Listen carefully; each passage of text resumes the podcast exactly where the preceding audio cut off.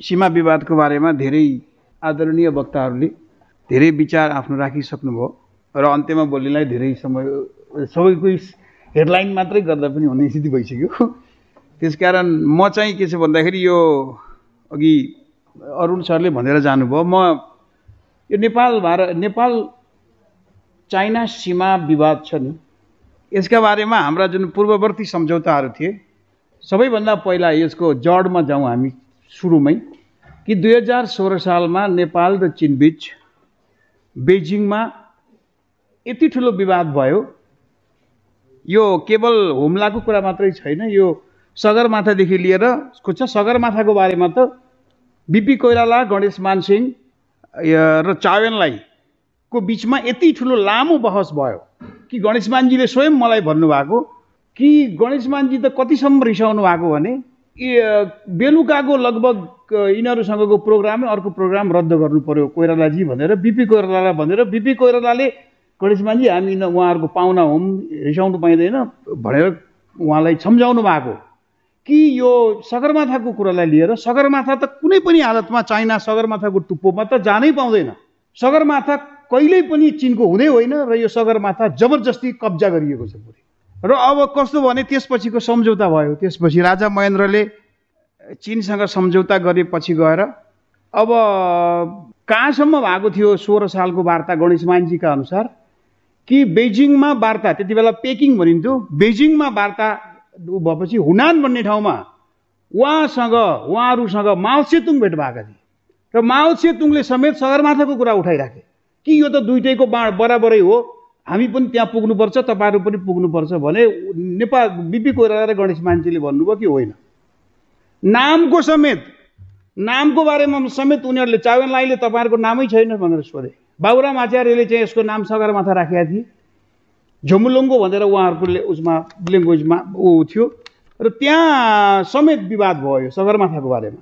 र सगरमाथाको कुरो बिपी कोइरालाको सरकार राजा महेन्द्रले अपदस्थ गरेपछि चिन पुगेर राजा महेन्द्रले गरेको यो सम्झौतामा सगरमाथालाई त्यो यो रूपमा स्वीकार गरिएको छ। र यो कुनै पनि कुनै डेमोक्रेटिक गभर्मेन्टले स्वीकार गरेकै थिएन। त्यसैले यो विवादास्पद सम्झौता हो यो। यो जुन गरिएको छ र यो विवादास्पद हो र यो यसको अस्तित्वलाई नेपालले मान्नु पर्दैन यदि पोलिटिकल लिडरसिप स्ट्रङ छ भने। अब पोलिटिकल लिडरसिप विक छ भने त मान्नु बाहेक केही विकल्प छैन। त्यसकारण यो यो विवादास्पद सम्झौता हो। चाइनासँग भएको सीमा सम्झौता मैले किन्न भने हुम्लाको कुरा मात्रै होइन। केसम्म सम्झौता के अरे कसरी भएको थियो अझ त्यो त्यति बेलाको टोपोग्राफिकल यहाँ अघि सा साथीहरू जानुभयो। टोपोग्राफिकल टोलीका केही मानिसहरूलाई केसम्म भएको छ भने चाइनिजहरूको तपाईँको निगरानीमा के अरे यो यो टोपोग्राफी गरिरहेको छ पुरै। सर्वे भएको छ। र उनीहरू उनीहरू त्रासमा त्यो हाम्रो यो उसमा सर्वेमा भाग लिइरहेका छन्। त्यसको एउटा घटना छ यहाँ। मैले चाहिँ यो दमनराज तुलाधर भन्ने उहाँ यसको चाहिँ सर्वेक्षण टोलीमा हुनुहुन्थ्यो। सायद उहाँले किताब पनि आउट गर्नुभएको छ। किताब मेरो हातमा आइपुगेको छैन तर मसँग इन्फर्मेसन छ कि उहाँ चाहिँ मानसरोवरमा नुहाउनका लागि उहाँ लुगा खोलेर मानसरोवरमा पस्न खोज्दाखेरि चिनिया पक्षको जो मान्छे छ उसले उहाँलाई त्यहाँ पस्न दिएन। उहाँ यो सर्वेक्षण टोलीको चिफ हो। कति त्रासमा यो सर्वेक्षण त्यो सर्वेक्षण भएको छ नेपाल चिन सिमाना। योको हुम्लाको कुरै होइन यो समग्र पुरै पुरै प्लट त्रासमा सर्वे गराएर पास गरेर यस गराइएको छ। नत्र किन त्यति बेला चिनसँग सम्झौता सीमा सम्झौता भयो भारतसँग किन भएन? वाट इज द म्याटर त्यसकारण के हो भने यो जडमा हामी कहिल्यै जानै चाहेनौँ। विचित्रको तपाईँको के हो भने यहाँ अघि साथीहरूले त्यो ग्लोस शब्दको चयन गर्नुभएको थियो यो एक किसिमको ब्रान्ड तपाईँको फिट गरिएको छ। ती यो के भने यो त्यति बेलादेखिको विवादास्पद कुरा हो। बिपी कोइराला यो सम्झौता भयो यो नेपाल चिन सम्झौता पछि बिपी अलि चर्को स्वरमा बोल्नु भएन। तर गणेशमानजीले लास्ट आवरसम्म यो कुरा छोड्नु भएको छैन।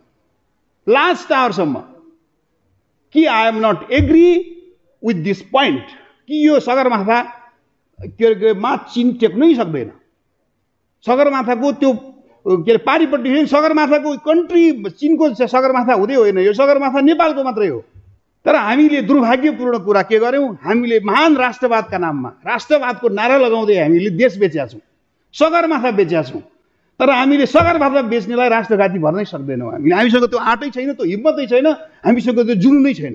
वी आर कम्फर्ट मतलब यसरी नालायक भएका छौँ हामी आफै वी जेनेरेसन अल्छौँ कि सगरमाथाको त्यो चाइनाको हुनै सक्दैन त्यो।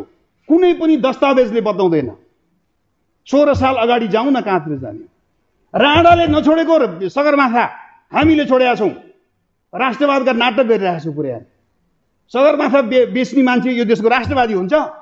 अब रह्यो कुरो के हो भने यो उसको कुरो त मान्यजीले बोलिसकेपछि मैले बोल्नै परेन। कि यो अरुण सरले अघि भन्नुभयो त्यही कुरै त्यही हुन्। लगभग लगभग सबै साथीहरूबाट यो कुरा आइसक्यो। मैले त्यस कारण दोहोऱ्याउन चाहिनँ पोलिटिकल लिडरसिप र मैले अहिलेका लागि शेरबहादुर देउबालाई धन्यवाद दिन्छु कि प्रधानमन्त्रीले कमसेकम यो जाँच बनाइदिए। हुम्लाको एउटा टोली चाहिँ गठन गरेर त्यहाँ पठाइदिएकोमा मैले प्रधानमन्त्रीलाई धन्यवाद दिन चाहन्छु। किनभने यो अघिल्लो सरकारका प्रधानमन्त्रीजीले त यो त जाँचै पर्दैन पुरै भनिसक्नु भएको छ। के नेपाल चाहिँ छ नि? उसको के अरे बेजिङको एउटा कुनै सेन्ज्याङ प्रान्तको अर्को प्रान्त हो क्या हो? हाम्रा विदेश मन्त्री गेवाली हाम्रा प्रधानमन्त्री ओली त्यसरी बोले नि पूर्व प्रधानमन्त्रीहरू त। उहाँहरूले के ठाने उहाँहरूले तालिम लिन थाल्नुभयो भनेर सुम्पिसक्नुभयो क्या उहाँले देश चाहिँ? तिब्बत पछि अर्को देश उहाँले सुम्पिसक्नु भएको क्या उहाँको भाषा उहाँको ल्याङ्ग्वेज त्यसैले यो के हो भने यो नितान्त डेमोक्रेटहरूमा पनि एउटा स्प्रिट यो मामिलामा गणेश मानजीसम्म आइपुग्दा उहाँले यो कुरा कहिले छोड्नु भएकै छैन। म गणेश मानजीसँग अन्तर सम्वाद गरेको मानिस हुँ। कि सगरमाथा कुनै पनि हालतमा सगरमाथाको टुप्पो चिनको हुनै सक्दैन र तर अहिले नक्सामा अस्ति नापियो सुने मैले। त्यो पनि हतार हतारमा ओली सरकारको अन्तिम समयमा नापिएको छ। र त्यसलाई रिकगनाइज गर्नै हुँदैन नेपालले। र त्यो एकदम विवादास्पद सम्झौता हो र सगरमाथा चिनको हुनै सक्दैन। अब रह्यो कुरा के हो भने यसका धेरै पक्ष यहाँ साथीभाइहरूले सबै भनिसक्नुभयो मैले त्यसै कारण धेरै दोहोऱ्याउन चाहिनँ सब दोहोरिनु भयो। यो सीमा विवाद धेरै ठाउँमा छ। म एकपटक मुस्ताङको छोसेर भन्ने ठाउँमा गएको थिएँ। मुस्ताङका राजा हुनुहुन्थ्यो त्यहाँ छुट्टै। पर्वल जिग्मे पर्वल विष्ट। उहाँसँग मेरो कुरा भयो। त्यहाँको एउटा गाउँबाट मलाई के भनियो भने यो चिनको सिमाना चाहिँ चिनले चाहिँ सिमाना मिच्या छ। दुई दुई कोष कि तिन कोष भने उनीहरूले तिन कोष सिमाना मिचेको छ। छोसेर भन्सारदेखि यहाँ होइन। हामी घोडामा गयौँ। हामीलाई यति रोकिदियो तिनीहरूले। हामी नै पर्या अरू किन चाहियो भने उहाँहरू भन्नुहुन्छ हाम्रो सिमाना उहाँसम्म हो। तर चाइनिजहरूले मिलेर यहाँ सिमाना लगाइदियोसम्म र पछि मैले मुस्ताङे राजालाई सोधेँ तपाईँलाई यत्रो भत्ता दिएर राखेका छ सबै सरकारले? भनेर सोद्धाखेरि उहाँले के भन्नुभयो भने के अरे युगनाथ बाबु म चाहिँ नहुन्थेँ भने त यिनीहरूले यो चिन त उहाँ घमीमा पुग्थ्यो तलै मुस्ताङको जोमसमको नजिकै पुगिसक्थ्यो भने उनले। मैले गर्दा यति जोगाएर राखेको छु भने भनेको हाम्रो सिमाना मापदण्डमा जस्तो कि अहिले हामीले यहाँ कुरा गरिरहेका छौँ कि दस दस वर्षमा हामीले जुन सिमानाको सिमानाको नजिकमा हामीले जसरी यसलाई अनुगमन गर्नुपर्ने। पाँच पाँच वर्षमा कतिमा हामीले सक्छौँ स्टेटले। त्यस मामिलामा हाम्रा कमी कमजोरीहरू छन् राज्यका। र यो हुम्लाको केसमा पनि जुम्लाको केसमा पनि गोर्खाको केसमा पनि रसुवाको केसमा पनि सङ्खुवा सभाको किमाथाङ्काको पनि साराको ठाउँमा हामीले के हो भने हामीले यसलाई अनुगमन गरेका छौँ। र अघि सरले भनिएर जानुभयो हाम्रो सरले कि ब्युरोक्रेसीमा एक किसिमको त्रास छ। ब्युरोक्रेसी त्यहाँ जाँदाखेरि डराएर जान्छ यहाँबाट सेन्टरबाट। र उहाँहरू त्यो रिकगनाइज गर्नै सक्नुहुन्न उहाँसँग आँटै छैन। यसोभन्दा धेरै साथीभाइहरूले चित्त दुखाउनु होला। जो जो जानुभएको छ जो जो जानुभएको छैन कि विवेकको अन्तरात्माको कुरा गर्न सक्नुहुन्न। तपाईँले दुवै देशको सिमानाका बारेमा कुरा गर्दाखेरि ब्युरोक्रेसीमा रहेका मान्छेहरूले अन्तरात्माको कुरा बोल्नुपर्छ। उहाँहरू हेरेर माथिको इसारा हेरेर बोल्ने बानी चाहिँ हाम्रो परम्परा बनाएको छ। त्यसले पनि यसमा के हो भने हामीले सही अडान ल्याएका छैनौँ। यसकारण यसका लागि पोलिटिकल लिडरसिप अलिकति स्ट्रङ चाहिन्छ। र त्यसकै अहिले जुन पछिल्लो गभर्मेन्टले कमसेकम आयोग त बनायो त्यो एउटा प्रारम्भ हो। र यसले के गर्छ भने र मेरो त एकदमै मेरो दाबी हालाकि यो मेरो दाबीलाई त्यसो भने कतिले मन पराउलान् कतिले मन नपराउलान्। संसारका विद्यार्थीहरूले पढ्दाखेरि सगरमाथा नेपालको हो मात्र भनेर पढिनुपर्छ। सगरमाथा चिनको हुनै सक्दैन। न हिजो न आज न भोलि। This is a final statement नेपालको कुनै राष्ट्रवादी नेताहरूले जोसँग गड छ हिम्मत छ उसले गर्नुपर्ने विषय के हो भने कि यो हामी रोग विषय हो र यो हामीले त्यो सन्धिलाई विवादास्पद सन्धि मान्छौँ किनभने बिपी कोइरालाको निर्वाचित सरकारलाई अपदस्थ गरेर बनेको डिक्टेटोरियल गभर्मेन्टले त्यो एग्रिमेन्ट गरेको छ।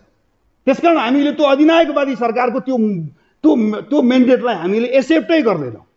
This is a final statement नेपालले भन्न सक्नुपर्छ। एज ए सबरिन नेसन चाइनासँग धेरै भनिनँ मैले किनभने धेरै मिठो भाषण हुनसक्छ। त्यस कारण यति भनेर बिदा भएँ धन्यवाद।